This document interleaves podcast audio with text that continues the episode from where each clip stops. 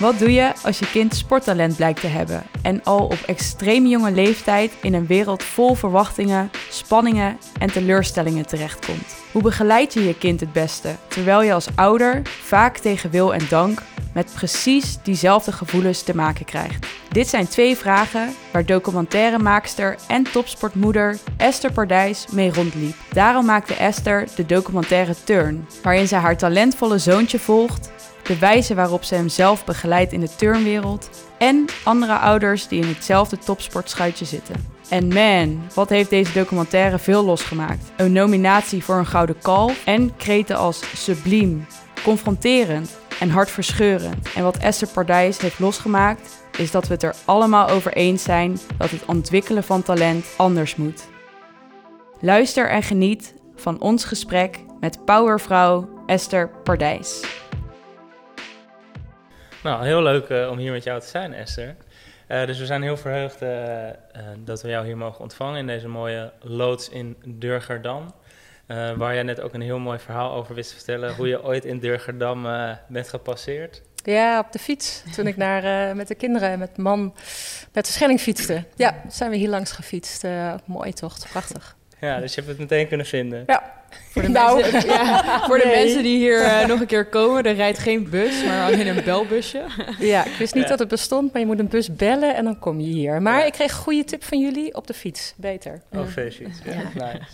Hey Esther, wij eh, hebben natuurlijk vorig jaar met eh, ja, onze ogen vanuit ons vakgebied ook eh, naar jouw documentaire gekeken. Dat is natuurlijk ook een beetje de aanleiding waar we nu hier zitten. Ehm, wat voor documentaire heb je gemaakt voor de luisteraars? Ehm, ik heb een film gemaakt over mijn zoon, die toen negen was en goed kon turnen. Wat herkend werd en al vrij snel in een traject kwam van nog meer trainen, nog meer trainen, nog meer trainen.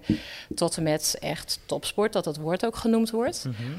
En ehm, toen ik merkte aan mezelf dat ik daar ook heel belangrijk over ging doen en zenuwachtig over werd. En dat je je leven er een beetje naar gaat richten en daar allerlei dubbele gevoelens over hebt. Hm. Je wil dat je kind kind blijft, maar je wil ook dat hij goed is. En soms denk je ook dat, je- dat je wil dat hij beter is nog. En nou ja, toen ik al die, eh, toen ik midden in die wereld terecht kwam, toen dacht ik van hé, hey, dit moet ik gaan filmen. Dat, eh, dat ben ik gaan doen.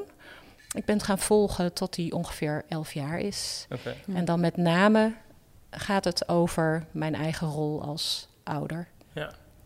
Hey, en je zegt dat dus de aanleiding is dat jouw jouw zoon redelijk goed werd in het turnen. En je noemde net al even kort, er is een moment geweest dat ik dacht, dit moet ik filmen. Wat kan je ons daarin meenemen? Wat, wat was dat moment of welke gedachten gingen er door je hoofd? Ja. Eh, op de tribune bijvoorbeeld, dat ik naar een wedstrijd zat te kijken. Dan zat hij al vrij snel bij het eh, NK. Jongetjes zitten ook in de regel, omdat het natuurlijk een kleinere groep is, sneller bij het NK. Maar goed, ineens Mhm. zaten wij daar ook. En eh, als je op de tribune, zo begin ik mijn film ook, eh, zit en je kijkt naar je kind en je denkt van, oeh, hij moet, hè, als hij, het gaat om één tiende punten hè, daar bij turnen. Dat is allemaal, Ja. het is ook allemaal heel subjectief, dus je kunt het ook niet echt goed zien en goed meten. Dus. Dat je denkt van, oh, als hij nou één tiende punt extra wint omdat zijn rechterteen wat rechter is, dan heeft hij een bronzen medaille. Nou, dat soort gevoelens gingen allemaal door mij heen. En ik zag andere ouders om me heen die allemaal ja, ook heel gespannen waren. Die Mm. dus ook soms niet eens naar de wedstrijd durfden te kijken. Zo. Ik zelf was ook bezig met van, nou, ik moet allemaal goede repen kopen. Want als hij dan een goede voeding heeft, dan ligt het in ieder geval niet daar aan. En hij moet goed slapen. Nou, ehm, dat was wel een moment dat ik dacht van, jeetje, waar ben ik mee bezig? En ook vanuit de gedachte, ehm, wat je toen ook al las in kranten, tijdschriften. Hè? eh, ouders op het eh, voetbalveld, die doen allemaal zo debiel, die staan te schreeuwen. En dat ik dacht van ja, dat vind ik belachelijk. Je moet als ouder niet zo involved zijn. Maar nu zat ik zelf ineens behoorlijk involved te wezen. Ja, ja.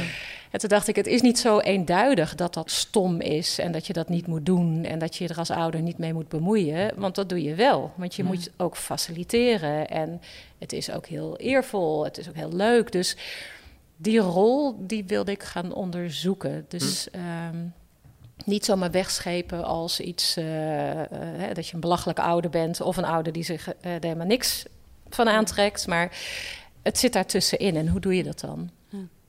En daar ben je jezelf tegengekomen. Ja, behoorlijk. Ja, wil je daar iets over vertellen? Wat, ja, wat ben je van jezelf tegengekomen?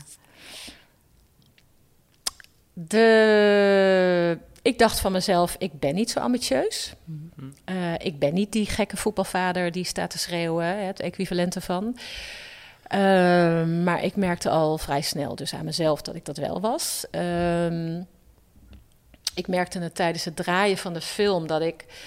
Dat is misschien wel een goed symbool ervoor. Ehm, er is een moment in de film dat ik naast het bed sta van mijn zoontje... omdat ik van die intieme gesprekjes met hem wil hebben over het turnen. En ehm, eh, dat, dat is een scène die zit in de film en die heeft er heel lang niet in gezeten, omdat ik zeker wist, ik doe het goed. Wat ik daar doe namelijk, is dat ik hem zeg van, goh, hij zegt zelf van, goh, misschien wil, wil ik wel stoppen met turnen. Ja. En dan zeg ik van, nou, weet je, daar moet je goed over nadenken en je vriendje gaat wel door en Ja. je bent al zo ver en je hebt er al veel voor opgegeven. Het is je eigen keuze hoor, maar bla bla bla. Dus eh, wat ik daar doe, is dat ik allemaal eh, voor mijn gevoel deed ik het daar heel goed door hem opties te geven en dan de keuze bij hem te leggen. Mhm. Dus zat die scène heel lang niet in de film, omdat ik dacht dat is helemaal niet interessant. En toen later ben ik gaan kijken. Eén De uur. Ja.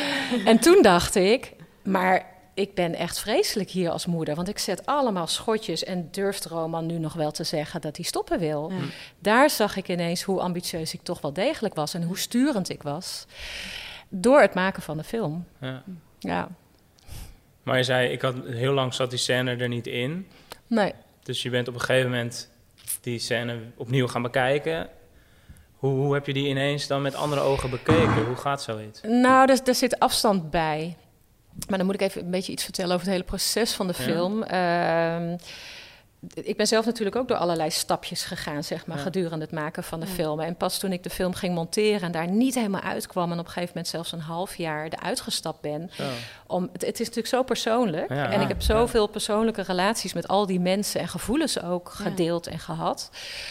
Ehm, dat ik op een gegeven moment besloten heb, ik stap zes maanden eruit. Ik ga zes maanden helemaal niet naar mijn materiaal kijken. En hè, als een schilder stap ik een stap Ja. naar achter om te kijken, wat heb ik nou?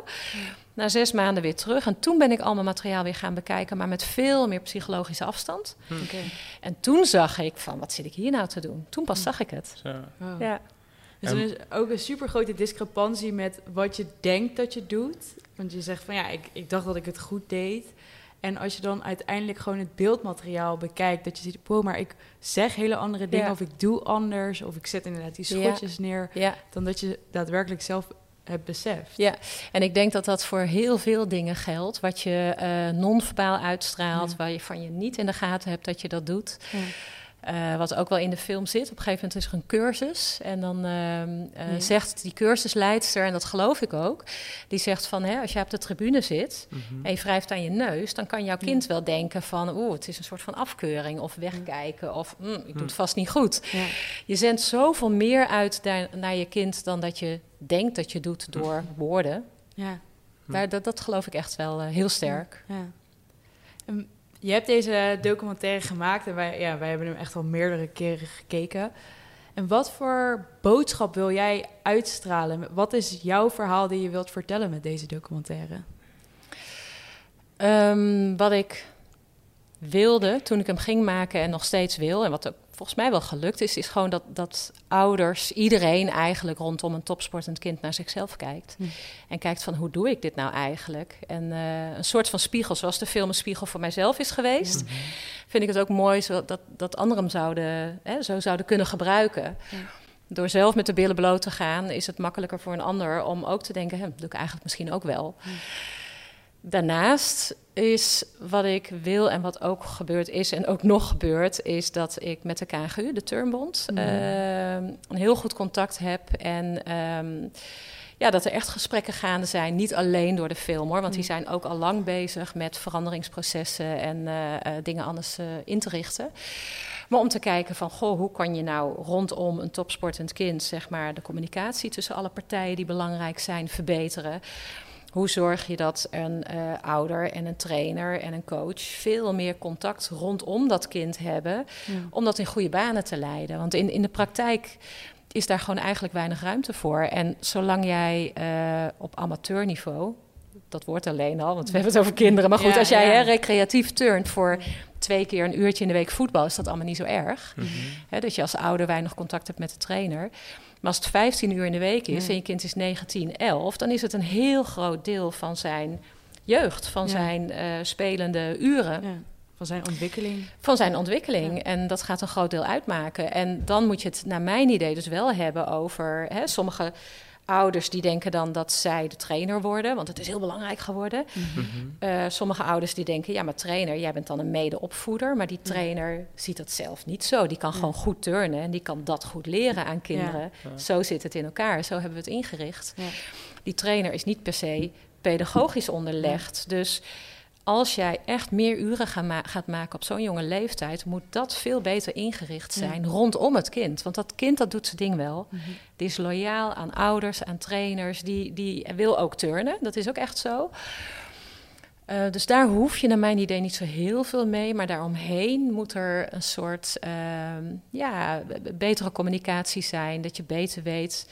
Meer maatwerk. Maar goed, doorgedacht, dat kost dan ook geld. Dan moet een Mhm. trainer daar ook meer uren voor krijgen. Dan moet Ja, er ook ja. meer beter betaald worden. Ja. Nou ja, dat moet dan wel weer vanuit de bond kunnen komen. Mhm. Dat is nog niet zo. Ja. En dan nog, sorry, als ik nog verder doordraaf. Ja. Als je dat al zou doen, wordt turnen dan een duurdere sport. Ja. Dan wordt het weer een elitesport, wil je ook niet. Dus hoe Ja. los je dat op? Hoe Ja. richt je dat in? En hebben jullie, hebben jullie daar al stapjes in kunnen zetten? De KNGU is, goed bezig. Die is echt bezig met eh, onderzoek. eh, hoe kunnen we dat doen? Ook eh, goede enquêtes naar ouders toe. Wat mis je? Trainers worden ook wat meer getraind, maar daar weet ik niet alles van. Ouders krijgen, krijgen al iets meer trainingen. Ik heb er zelf ook twee gehad hè, ten tijde van de film. Maar daar red je het niet mee. Je, Nee. je redt het niet met een avondje uitleggen over hoe je kind zich ontwikkelt en hoe hij Ja. zich fysiek ontwikkelt. En discussies over of hij nou wel of niet zijn eigen turntas moet inpakken. Want Mm. dat zou iets zeggen over intrinsieke motivatie of niet. Daar red Ja. je het niet mee. nee. Dat moet veel structureler. Sterker nog, want jij hebt, jij hebt, wat je net ook zei, je, de film was een spiegel voor jezelf. Maar jij hebt ook bewust nog een half jaar afstand moeten nemen om die spiegel in te durven kijken, misschien ook wel. Ja, absoluut. Ehm, moet ik eigenlijk natuurlijk nu naar een soort vraag komen, maar wat... eh, nee, ik vind het wel heel interessant namelijk, want het is natuurlijk heel belangrijk dat, dat deze thema's en dat de communicatie tussen ouder, coach, eh, kind, top, topsporter eh, goed wordt ingericht. Maar wat jij ook terecht zegt, ik heb, jij hebt er bewust een stap voor terug moeten doen om al het beeldmateriaal wat je van jezelf had verzameld in dat proces, om dat met een ander beeld te kunnen bekijken. Ja. Dus, dus hoe, wat, welke lessen vanuit daar kan je dan meegeven aan ons, aan de luisteraars, aan KNGU? Ja, Hoe- hoe, hoe zorg je ervoor dat, je, dat, dat iedereen naar zichzelf kan kijken? Ja, Ja, ik, ik denk gewoon simpelweg echt meer communicatie, meer samenkomen, meer praten over. Eh, nou ja, gewoon wat er gebeurt, wat er met je kind gebeurt. Eh, en als je meer contactmomenten hebt, kun je ook eh, van de vijf keer in nou, een bepaalde periode dat je elkaar ziet, kan je ook in die ene keer dan wel zeggen van joh, eigenlijk vind ik dit niet zo prettig aan jou of zo. ja, ja, ja. Weet je, dat, Ja. dat wordt heel groot en beladen als je elkaar nooit spreekt. Je moet elkaar er dan op aanspreken. Ja. En als je elkaar vaker zou zien en het vaker gewoon, omdat er gewoon tijd voor ingeruimd wordt, slash Ja. geld, Mhm. dan kan je dat soort dingen wel eens een keer zeggen. En dan kan je wat gemakkelijker eh, elkaar aanspreken op dingen. Ja. Maar ik, ik ga er toch nog even op doorvragen. Want Ja. ik heb natuurlijk de documentaire gezien. Daarin zie je natuurlijk ook soms ouderbijeenkomsten. Hè. Je ziet daar ook bepaalde dynamieken ontstaan. Ook binnen zo'n oudergroep. Want we willen eigenlijk allemaal hetzelfde. Maar aan de andere kant, volgens mij zeg je dat ook letterlijk in de documentaire. Ja, als het ene jongetje afvalt, dan heeft mijn zoontje weer meer kans. Dus het lijkt me ook wel heel lastig om die ouderbijeenkomsten dan te regelen. Want ja, je kan ze bij elkaar brengen. Maar eigenlijk zit iedereen er toch weer ook met een eigen belang. Ja, klopt. Ja, en dat is ook logisch uiteindelijk, puntje bij paaltje misschien wel, want die gevoelens heb je nou eenmaal. Ja. Ehm, ja, dat is, dat is een gekke dynamiek. Want wat je een beetje ziet bij ouders onderling, is dat, dat is dan één voorbeeld ook vanuit mijn eigen situatie, dat als een van die ouders beslist, ik ga een proteïne shake geven aan mijn negenjarige kind, dagelijks, omdat Ja. die spieren dan lekker snel herstellen en dan kan hij de volgende dag er weer goed tegenaan. Dan denk ik van, nou, dat ga ik niet doen, dat vind ik belachelijk. Maar als dan de volgende ouder dat ook doet, Ja, Ja. ja. Dan ik heb het uiteindelijk ook gedaan. Ja. Terwijl ik het er eigenlijk niet mee eens was. Dus je komt in een soort van elkaar beïnvloeden. Je bent Ja. ook een select groepje. Je bent maar met vijf ouders stellen of nou, iets meer misschien. Mhm. Dus daar gebeurt ook iets raars. Ja, en eh, je loopt een beetje achter degene die dan nou, het extreemst gaat. Daar loop je dan toch sneller achteraan. Eh, dan, dan dat je goed bij jezelf kunt blijven. Nou ja, wat, wat ik daar bijvoorbeeld eh, wel een beetje gemist heb, is dat iemand mij kon vertellen van, heeft dat nou zin? Ja. Weet je, haal een wetenschapper erbij of, of, of communiceer dat op een andere manier. Maar heeft het nou zin om een, een shake te geven aan een Hm. negenjarig kind? Ik deed het gewoon vanuit de angst dat mijn zoon achter zou lopen. Ja, precies. Dat is natuurlijk geen goede reden om dat te doen. Maar Ja, zo maar werkt het wel. wel. Ja, en begrijpelijk. Ja. Als, je, zeg maar, als je het niet weet en je ziet het om je heen gebeuren, dan... Ja, gaan we terwijl ik best doen. stevig Ja. in mijn schoenen Ja. staat. Maar op zo'n moment, het is natuurlijk je kwetsbaarste bezit, je kind. En hij doet dat allemaal graag. En dan redeneer je sneller. Ja, maar als ik dat niet doe, is hij minder hersteld. Komt hij morgen op de Ja. training. Doet hij daardoor minder. Verliest hij aan zelfvertrouwen. Door verlies aan zelfvertrouwen gaat hij niet goed naar de wedstrijd. Haalt hij net brons niet. Ja. Eeuw. Ja. Ja, ja. Totaal veel te ver doorgedacht. Maar zo ga je denken. Dus dan moet er misschien als oplossing iemand bij die mij kan vertellen: joh, dat hoef je helemaal niet te doen. Geef hem een bak kwark en dan is het ook goed. Ja. Maar die Hm. kennis is er, is er wel, maar wordt niet gecommuniceerd. Oké. Maar, en, want in de docu zei ze natuurlijk net zelf ook, van er zitten dan al wel twee ouder workshops, noem ik het even, in. Hebben jullie dan echt intensievere begeleiding nodig daarin als oudergroep? Want je had het nu over vijf ouders. Ja, dat denk ik wel. Ja, ook als groep. Want ook als ouder onderling vind je het lastig om elkaar aan te spreken. Hm. Ik vond het lastig om andere ouders aan te spreken op van... joh, waarom doe jij dat zo? Dat vind ik eigenlijk niet helemaal kunnen of zo. Dat, Hm. dat doe je ook. Je bent ook afhankelijk van elkaar. Hm. Je vindt elkaar ook echt allemaal heel aardig. Ja. Ehm, je begrijpt elkaar, want het is ook weer wij als ouder groepje versus al die ouders op het schoolplein die het überhaupt belachelijk vinden dat Ja. wij dit doen met onze kinderen. Ja, ja, ja. Dus je vindt ook steun bij elkaar. Dus Ja. het is lastig om elkaar aan te spreken. En daar kunnen we ook in geholpen worden. Ja. Want waarom, wat maakt het lastig om elkaar erop aan te spreken of het gesprek aan te gaan? Misschien gaat het niet eens over aanspreken, maar het gesprek aangaan van, wow. Ja, dat doe je gewoon überhaupt niet zo snel. Hè? Het, is, het is gewoon je opvoeding, het is je kind. Dat doe je ook op het schoolplein niet. Elkaar aanspreken over eh, hoe jij je kind opvoedt. Ja. Dat ga jij straks merken als jij je baby krijgt. Ja. Als Dat is een gevoelig wordt. onderwerp. Mensen doen dat in de regel niet zo. Je kunt het over een hoop dingen hebben, maar de op- opvoeding bekritiseren doe je niet snel. Oké. Maar 15 uur is toch ook een deel van de op- 15 uur per week trainen is ook een deel van de opvoeding. Ja. Dus daar heb je het dan ook niet over. Eh, met de andere ouders. Wat bedoel je? Nou Wat is ja, je vraag?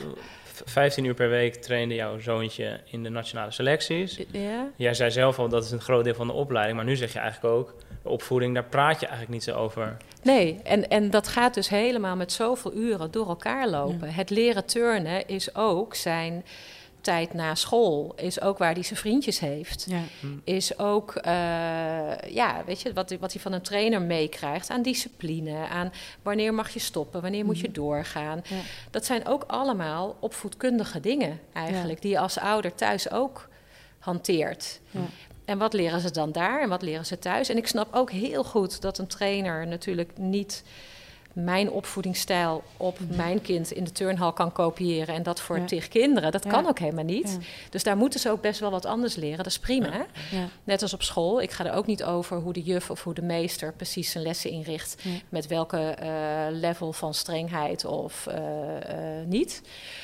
Maar je moet het er wel over hebben. Ja. Je moet het er wel over hebben. ehm, ehm, ja, of je het eens bent met hoe, hoe bepaalde dingen gaan. En dan kan je er ook nog voor kiezen. Van nou, dan wil ik misschien toch naar een club van een half, eh, een half uur verder weg. Dat ga je in de regel ook weer niet doen. Maar je moet het er wel over hebben, wat je visie is daarop.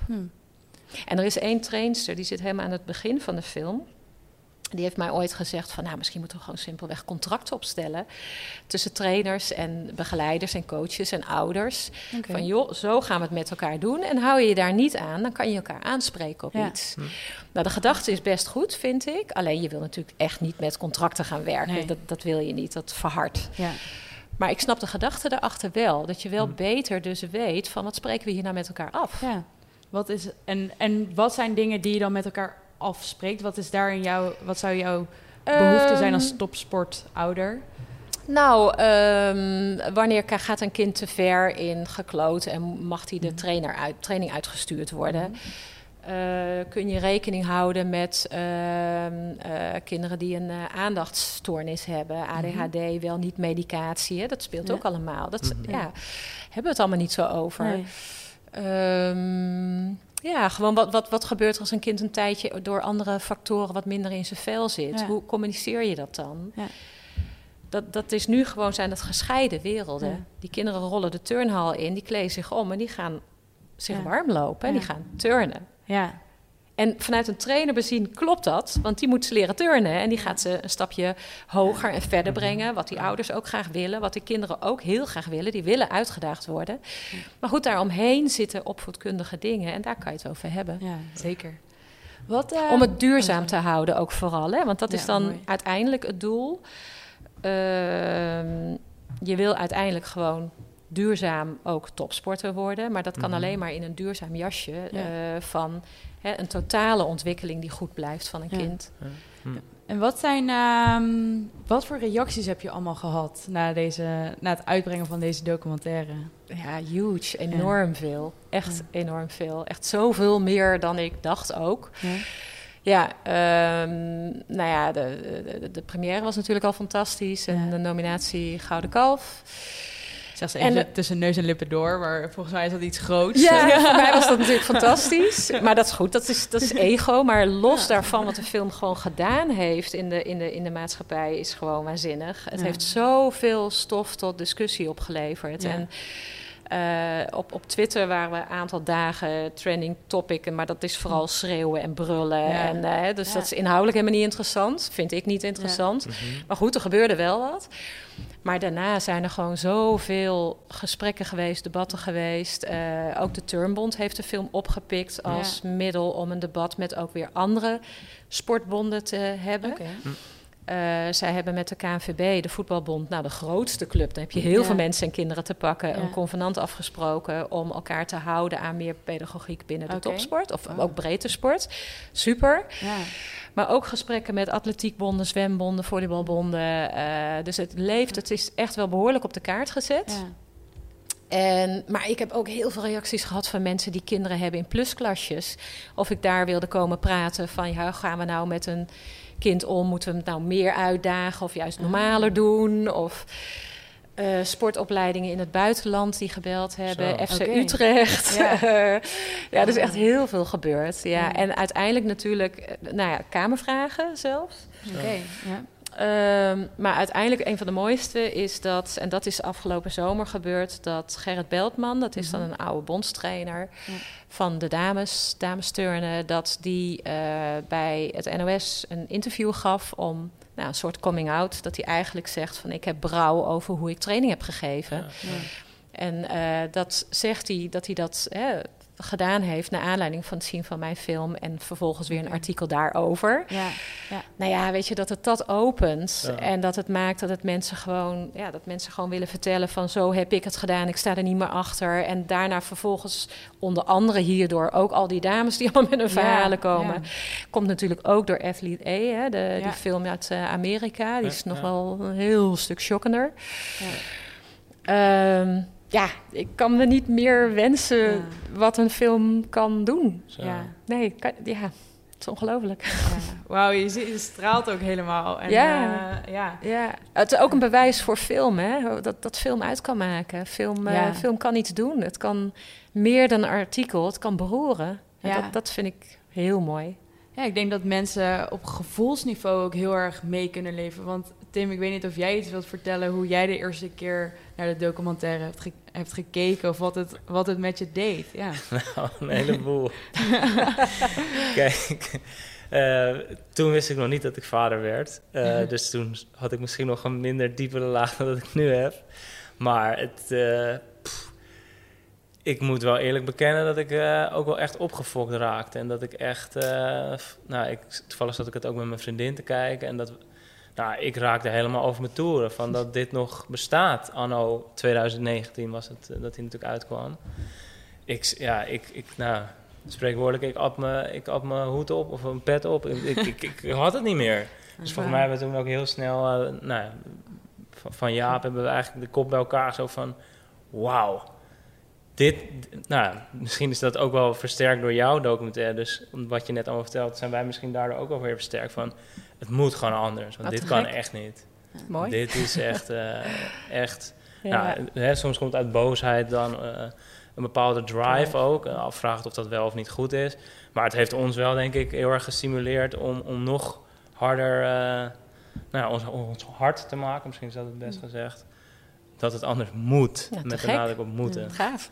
Ja, dus dat, dat heeft Nog een effect. erg gedaan. Ja, en het kind echt centraal te stellen Ja. ehm, in sport en daarnaar te luisteren. ja, maar dat zegt Ja. iedereen wel. Hè? Iedereen zegt kind moet Ja. centraal. Dus ja, maar hoe dan vervolgens? En wanneer staat een kind centraal? Want wat ik bijvoorbeeld ook wel een lastige vind, is...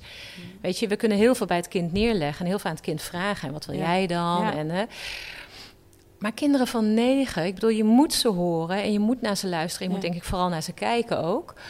Maar je kunt ook niet alles bij hun neerleggen. Nee. Want wat ik ook wel meegekregen heb in die cursussen... van ja, ze moeten intrinsiek gemotiveerd zijn...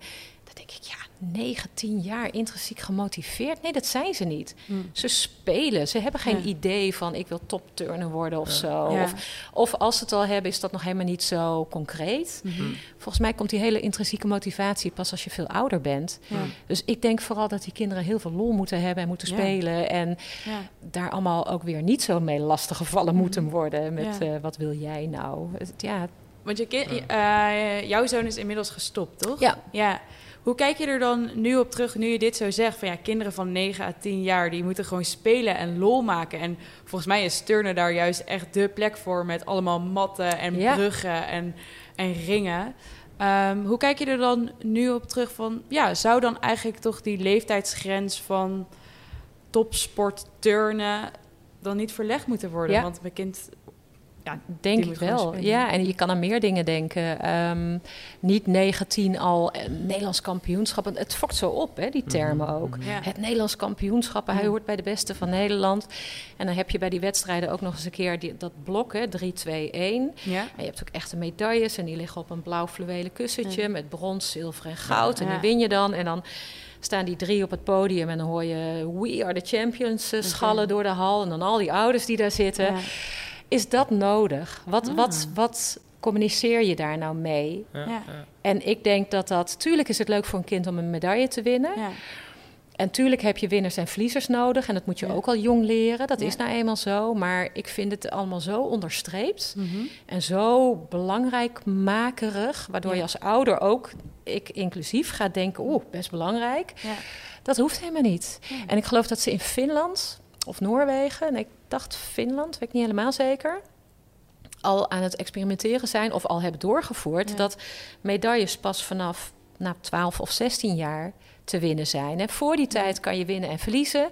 maar dan allemaal nog veel meer in het kader van... joh, je had je dag niet. Ja. Of je hebt slecht geslapen, want dat is het vaak ook. Ja. Hè? Want al die kinderen trainen evenveel. Ja. Ik vind het best, best, best hartverscheurend dat het kind wat net zo hard traint en heel consequent elke, elke keer gegaan is, Ja. dat hij achteraan de rij staat, omdat hij op die zaterdag toevallig even net niet lekker zat. Ja, dat, dat is, dat kind maakt dat misschien wel groter. Ja. Of, eh, dat hoeft helemaal niet. Dat kunnen we echt wel anders doen. Dus inderdaad, Ja, de, leeftijdsgrens naar achter. Hè, dat je op het, de, de leeftijdsgrens van het echt serieuzer maken. Mhm. Ja. En tot die tijd, eh, nou, er is niks mis met streng trainen en discipline aanleren. En hé, hey, je houdt je koppen bij, want je wil dit toch? Nou, oké, dan moet het voor een trainer ook leuk zijn. Dus hè, Ja. hier gelden die regels ook niks mis mee. Maar dat grote belang en, en, en elk jaar kijken of je weer een niveautje hoger kan, of, dat, dat hoeft misschien allemaal niet Nee. zo. Maar het punt is natuurlijk wel dat we ook in een systeem zitten van internationale sport. Ja, ja. En je kunt in Nederland Ja. eenzijdig de regels wel gaan veranderen, maar dan red je het internationaal niet. Ja.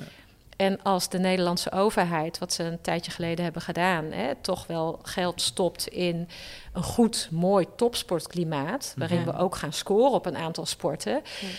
Ja, dan, eh, dan, dan is dat internationale dus blijkbaar ook belangrijk. belangrijk. Dan moet je dat als internationale gemeenschap met elkaar Ja. gaan afspreken. Van hé, hey, is het eigenlijk nodig? Maar dan moet je eigenlijk een stapje terug. Ja. En dat is eigenlijk altijd het tegenovergestelde van topsport. Want topsport is altijd sneller Ja. en meer en beter. Ja. En nooit een stapje terug. Nee. Terwijl dat is wat jij precies eigenlijk nodig had bij je documentaire, om die stap terug te doen. Eigenlijk wel, Ja. maar dat kan alleen maar als je het met z'n allen doet. Ja. En dat is al bijna niet meer betrouwbaar, want dan doe je dat misschien wel in de hal onder toezicht. Ja. Maar dan hangen alle vaders en moeders thuisringen op en dan ga je het daar gewoon lekker doen. Dat was ook te zien in je documentaire. Dat er een vader inderdaad eh thuisringen ophangt, zodat Ja. Wiets eh, meer kan trainen. Maar Ja. ik hoor hier ook wel een nieuwe les die je hebt geleerd naar aanleiding van misschien ook het vervolg na je documentaire. Maar in het begin van de documentaire zeg jij ook letterlijk: hoe vroeger je voor iets gaat, des te beter kan je in iets worden. Ja. Ja, nou, stom, maar hè? ik hoor nou, niet stom. Nee. Ik bedoel, ik denk dat dat Ja. een overtuiging is die bij heel veel mensen eh, nog leeft. Ja, ja. Terwijl nu hoor En ik jou tegelijk- eigenlijk bijna, een- bijna een andere Nou, kant van. nee, je, je kunt wel vroeg voor iets gaan en daar dan goed in worden. Alleen het hele serieus nemen mag later. Hm. Dat er gewoon gewicht aan gehangen wordt door zo'n construct van een. Nederlandse kampioenschap. Ja. Er is niks mis met, met eh, eh, goed willen zijn in iets. Nee, Sterker nog, dat vind ik ook nog steeds. Als je goed bent in iets, geeft dat ook heel veel geluk. Ja. En als ik soms kijk naar mensen in de 40 die allemaal aan het zoeken zijn van wat wil ik nou eigenlijk en wat kan ik nou eigenlijk, dan denk ik van oh, hoe fijn als je op jonge leeftijd al iets gevonden hebt wat je echt goed kan. Dat is Ja. ook echt mooi. Ja, zeker. Alleen ja, probeer alles, alle moeten en alle eh, hè, grootsheid daaromheen dan ja, zo lang mogelijk weg te houden. Ja. Hm. Ik heb ook nog een, ehm, een quoteje uit je, of een quote uit je documentaire, waarbij je zegt: Mijn zoon heeft zoveel talent. Het is toch zonde als hij daar niks mee doet. Wat wij, dan, ons- ja, wat wij ons toen afvroegen, wat, wat, was, wat was of is talent voor jou? Of zoveel talent? Ja. Op dat moment was het ehm, dat je hoort van de trainer, nou, die kan wel wat. En als die wat uurtjes meer traint, dan wordt hij snel beter. En hij leert goed en hij pikt het snel op en hij is soepel. En hij heeft ook wel een beetje de bouw ervoor. Hm. Nou, dan ga je dat optellen in je hoofd. En je weet hoe weinig jongetjes er in dat stukje selectie zitten. En dan denk je, nou, dan heeft hij dus talent. Ja. Behoorlijk aangesproken of aangepraat, zeg Ja. maar. Hm. Zo hoor je het graag. Ja. Want wat, wat, wat is talent voor jou? Is dat dus dat stukje aanleg wat, wat hij heeft? Ehm, Is het meer? wow, dat is een lastige vraag. Ja, uiteindelijk om, om talent om echt ver te komen zit ergens anders. Talent om echt uiteindelijk heel ver en hoog te eindigen zit volgens mij veel meer in doorzettingsvermogen, teleurstellingen kunnen verwerken, eh, goed bij jezelf kunnen blijven, allemaal dat soort eigenschappen. Hm. Ehm, dat is iets anders dan op zevenjarige leeftijd horen je bent erg soepel. Ja. Dat is dan een, een meevalletje. Dus het zit eigenlijk voor de lange termijn meer op die andere eigenschappen. Want jij zegt ook op een gegeven moment eh, die scène in, eh, in bed, dat je zo'n in bed ligt, dat hij van boven wordt gefilmd eigenlijk. Dan zit jij naast hem. Dan zeg je op een gegeven moment ook, hij zegt letterlijk volgens mij, ik heb er geen plezier meer in. Of ik, ik haal er niet meer uit wat ik, wat ik eruit hoop daar te halen. En dan zeg jij op een gegeven moment ook van, nou, je moet ervoor oppassen dat je niet je talent weggooit. Ja. Maar als je dan talent kan weggooien, wat is talent dan? Dus dat, dat ging bij mij meteen die vraag van... ja, eigenlijk klopt het niet. Hè? Dan gooi je je talent weg. Want wat ik daarmee bedoel, zo zeg je dat dan, is dan doe je dus niks met je talent. En je talent is dan dus dat je goed kan turnen. Ja. Mhm. En daar En doe je dan niks mee. Ja. Ja, terwijl eigenlijk de vraag moet natuurlijk zijn van gooi je daarmee je plezier weg? Precies. Of je geluk weg? Mhm. Dat is eigenlijk de echte vraag. Ja. Ja, scherp. Hm. Hey, en wat, wat eh, als ik even vanuit mijn bril naar de documentaire keek, ik vond de laatste scène was voor mij heel metaforisch bijna, waar je aan de ene kant jouw zoon Roman ziet spelen in de klim, klimrekken en aan de andere kant eh, een van zijn teamgenoten destijds bij Wietse. de jeugd, Wietse. Die zie je eigenlijk eh, nou, letterlijk in, op de achterbank in de auto zitten. En waarbij zijn vader hem eigenlijk een, een uur rijden, vijf keer in de week een uur rijden naar Den Bosch eh, rijdt. En voor mij was dat eigenlijk heel metaforisch. Want ik, wat ik daaruit haalde, maar ik, nogmaals, ik ben heel benieuwd eh, hoe jij die scène misschien ook bedoeld hebt. Maar ik zag heel erg dus het spelen versus het drillen. Eh, waarbij ik Roman eigenlijk echt zag opbloeien, letterlijk ook in die speelrekken. En waarbij je de laatste scènes van Roman daarvoor... Nou, je ziet hem vallen volgens mij, je ziet hem ook huilen, huilend van de training weglopen. En ineens in die klimrekken zie je weer het kind in hem. Ja, En dan zie je daarnaast, dus dat loopt parallel aan elkaar, die beelden. Ja. zie je dus Wietse op de achterbank zitten die een uur lang onderweg is naar training. Ja. Dat is wat ik eruit haal. Ja. Het, het is, eh, dat klopt wat je eruit haalt, maar er, er zit meer aan vast. Mhm. Wietse wil graag turnen. Mhm. Ja. Wietse wilde ook echt naar Den Bosch. Ja. Dus het is echt niet alleen vader die dat wil, dat wilde Wietse ook. Ehm, in hoeverre Wietse dat dan ook wil, omdat vader ze het wil, dat, dat, dat wordt troebel. Maar Wietse Ja. wil ook echt turnen, of wilde ook echt turnen. Is het Eh, stop dus? Wietse is ook gestopt. Ah. Ja, Ah. ja. ja, hij heeft het niet volgehouden helemaal naar Den Bosch. Ja. Ehm, het klopt dat Roman. eh, het klopt dat toen Roman meer tijd kreeg, dat het hele speelse van hem en dat hele losbollerige weer tot uiting kwam. Maar dat is simpelweg omdat daar gewoon meer tijd voor was. Want daarvoor was het naar school, uit, de uit school meteen rechtstreeks naar de hal fietsen. Drie uur trainen, thuiskomen, eten op de bank, terwijl wij dan al gegeten hadden. Een beetje naar de tv staren en terug naar bed. En de Ja. volgende dag hetzelfde. Dus het is simpelweg tijd die dan vrijkomt, waarin je gewoon kan klooien. Ja. En Roman wordt daar heel gelukkig van, inderdaad, zeker. Maar is dat dan ook niet wat hij gemist heeft op trainingen? Dat, dat het trainen echt trainen is in plaats van ook gewoon af en toe klooien? Ze en- klooide ook af en toe wel hoor. Dat was er ook heus wel. Mhm. Dus eh, anders hou je het als kind ook niet vol. Dus Nee. zo zwart-wit was het niet. Er werd ook Mhm. echt wel geklooid. Alleen ja, het ene kind heeft meer klooitijd nodig dan Ja, het andere ja. kind. Ja. En eh, ik weet dat het Roman heel goed doet om veel meer non-tijd te hebben. Gewoon Ja. helemaal niks tijd, zeg maar.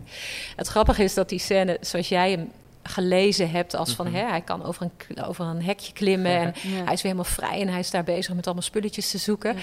Er is één iemand die vertelde mij dat ze die scène had geïnterpreteerd als eh, agressief. Oh, Oh. Hij, hij is nu los van het turnen en nu, komt er een, nu kan hij zijn energie niet meer kwijt. En nu pakt hij een ketting en, een, en hij klimt over hekken. Ja. En ja, blijkbaar kan je hem ook zo opvatten. Ja, maar nee. dat was niet de bedoeling. Oh. Ja. Hey, en wat jij zei net, eh, van, nou, het was niet alleen eh, de vader van Wietse die dat wilde, maar ook Wietse zelf. Maar hij is nu gestopt. Ja. Dus in hoeverre kan een kind op die leeftijd bepalen of hij dat ook echt wil? Ja, dat is ook heel moeilijk. Ja, ja dat, dat heb ik altijd lastig gevonden. Je kind komt thuis en hij is gewoon moe van de training. Ja, vind je het dan nog wel leuk? Hij is misschien Ja. wel drie keer in de week echt moe als hij thuis komt. Ja. Kan je dan nog zien aan je kind hoe leuk hij het vindt? Want elke keer eh, ja, zijn er toch ook wel weer... Ja, dus zijn vriendjes, eh, die zitten daar ook. Dat is Mhm. natuurlijk een beetje uitgeselecteerd. Als je elke dag naar de Ja. turnhal gaat, Ja. zitten daar ook je vrienden. Dus dat Ja. loopt ook door elkaar heen. ja. Het is heel moeilijk om te zien wanneer je kind, hè, hoe, hoe vaak moet hij het even niet leuk vinden of in huilen uitgebarsten zijn voordat jij denkt, nou dit is het nu echt niet Ja. meer.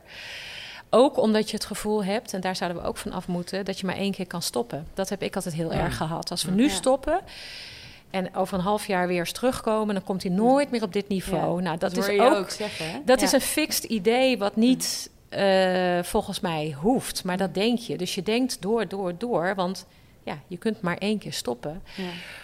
Dus, Maar ehm, geloof je dan ook dat ontwikkeling dus lineair gaat, als je dat zo vertelt? Nou, dat denk je, maar volgens mij Ja. is dat helemaal niet zo. Volgens mij kan je daar... Maar goed, ook daar zou ik wel over ingelicht willen worden. Van nou, misschien kan je best eens een halfjaartje kijken van... nou, is er iets anders? En, eh, want Roman is gestopt, maar hij mist de turnen ook. Ja.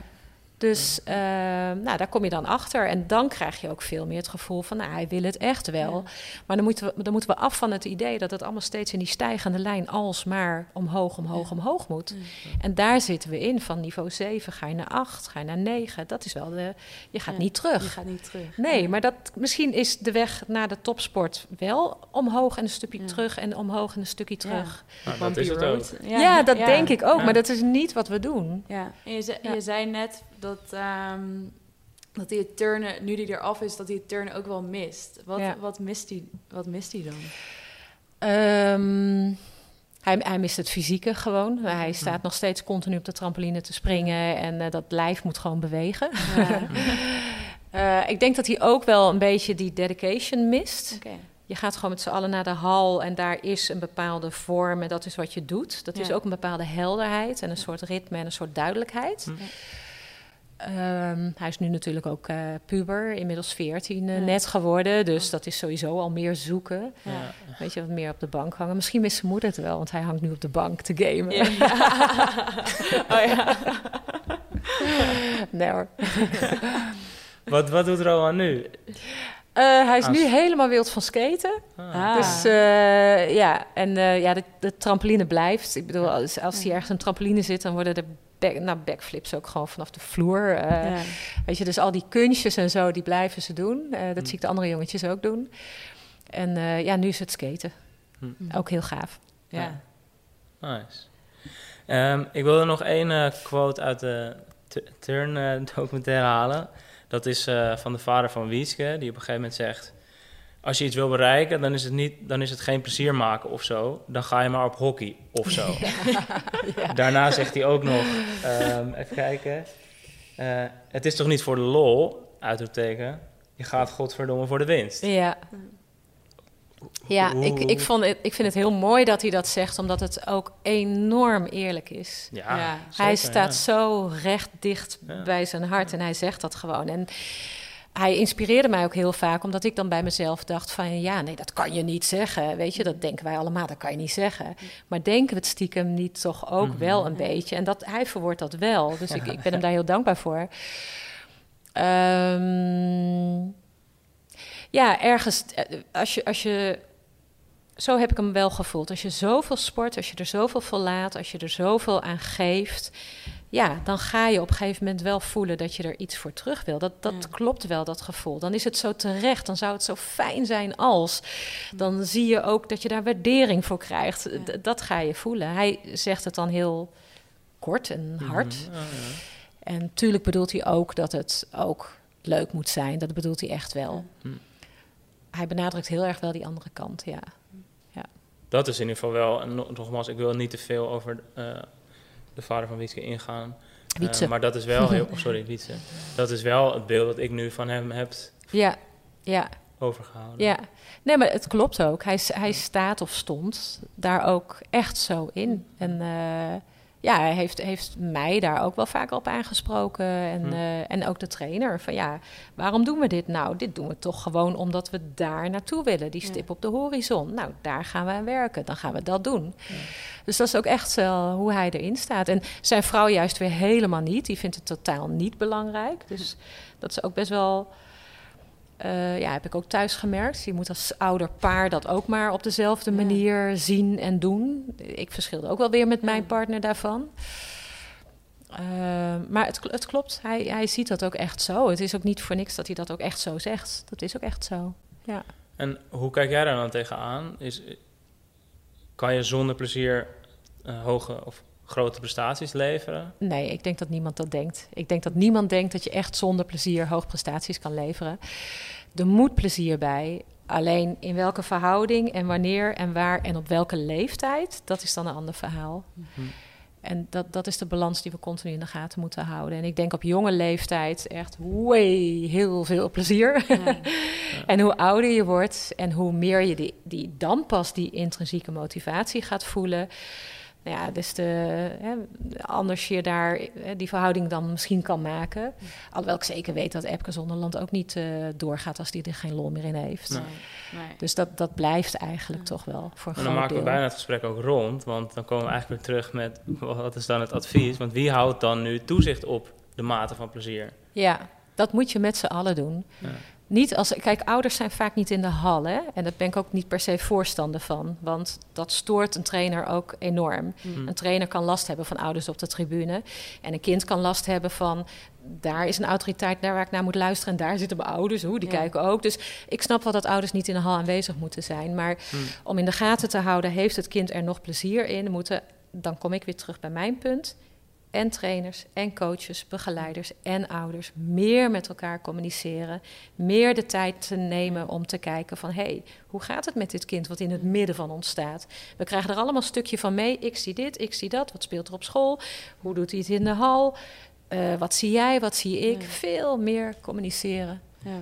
Hm. en, en kijken naar het kind en, eh, en delen. Ja. En eh, minder gescheiden eilanden.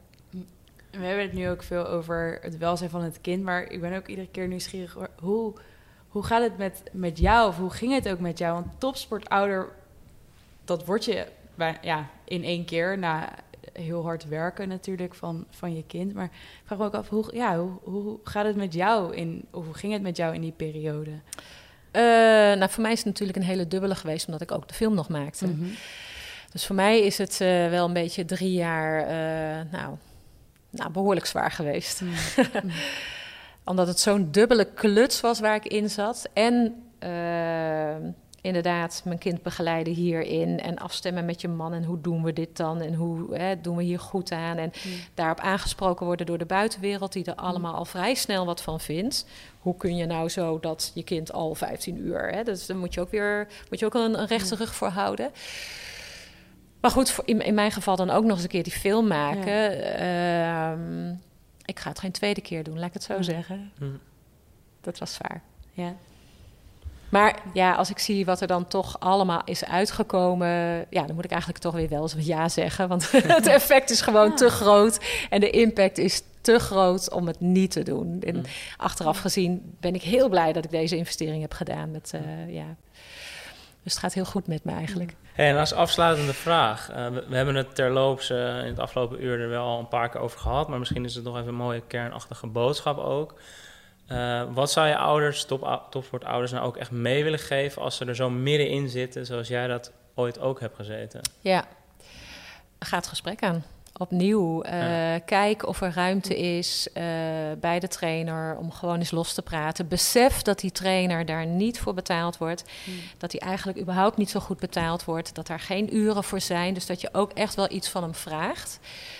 Uh, ik wil ook niet naar een situatie waarin al die ouders bovenop die trainer gaan ja. zitten. Weet je, dat, ja.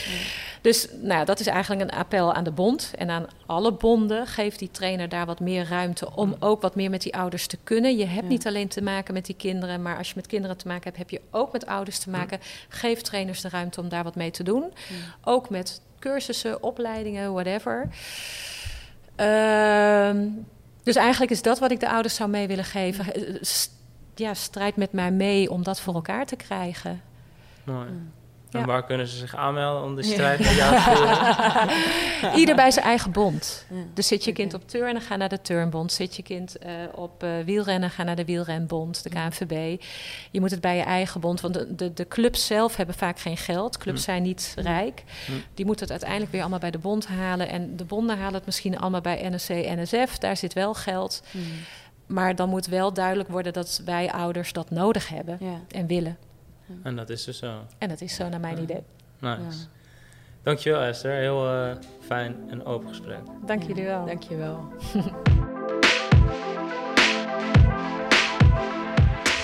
Bedankt voor het luisteren naar de podcast van Jaap. De podcast waar we op zoek gaan naar de nieuwste inzichten om ons Nederlands sporttalent zo duurzaam en verantwoord te ontwikkelen. Want we winnen veel medailles, maar we verliezen ook veel sporttalent. We hopen dat je hebt genoten, maar het feit dat je tot hier hebt doorgeluisterd is een goed teken. En om nog meer mensen te bereiken die een hart hebben voor het ontwikkelen van talent, zou je ons enorm helpen door een review achter te laten op iTunes. Verder maken we deze podcast met heel veel plezier. We krijgen ook af en toe wat hulp om meer shows te blijven maken. Deze aflevering werd mede mogelijk gemaakt door de Podcastfabriek en Trainers Magazine. Vakblad, oefenstof en webinars voor de moderne voetbaltrainer. Om door te gaan met onze zoektocht naar het geheim van talentontwikkeling in de sport, zijn we ook voor de toekomstige afleveringen op zoek naar partners die ons hierin kunnen steunen. Dus denk jij nu, dat lijkt me wel wat? Of ken je een partij die naadloos aansluit bij onze missie? Neem dan even contact op met info.jaap.eu. Heel erg bedankt en tot de volgende aflevering.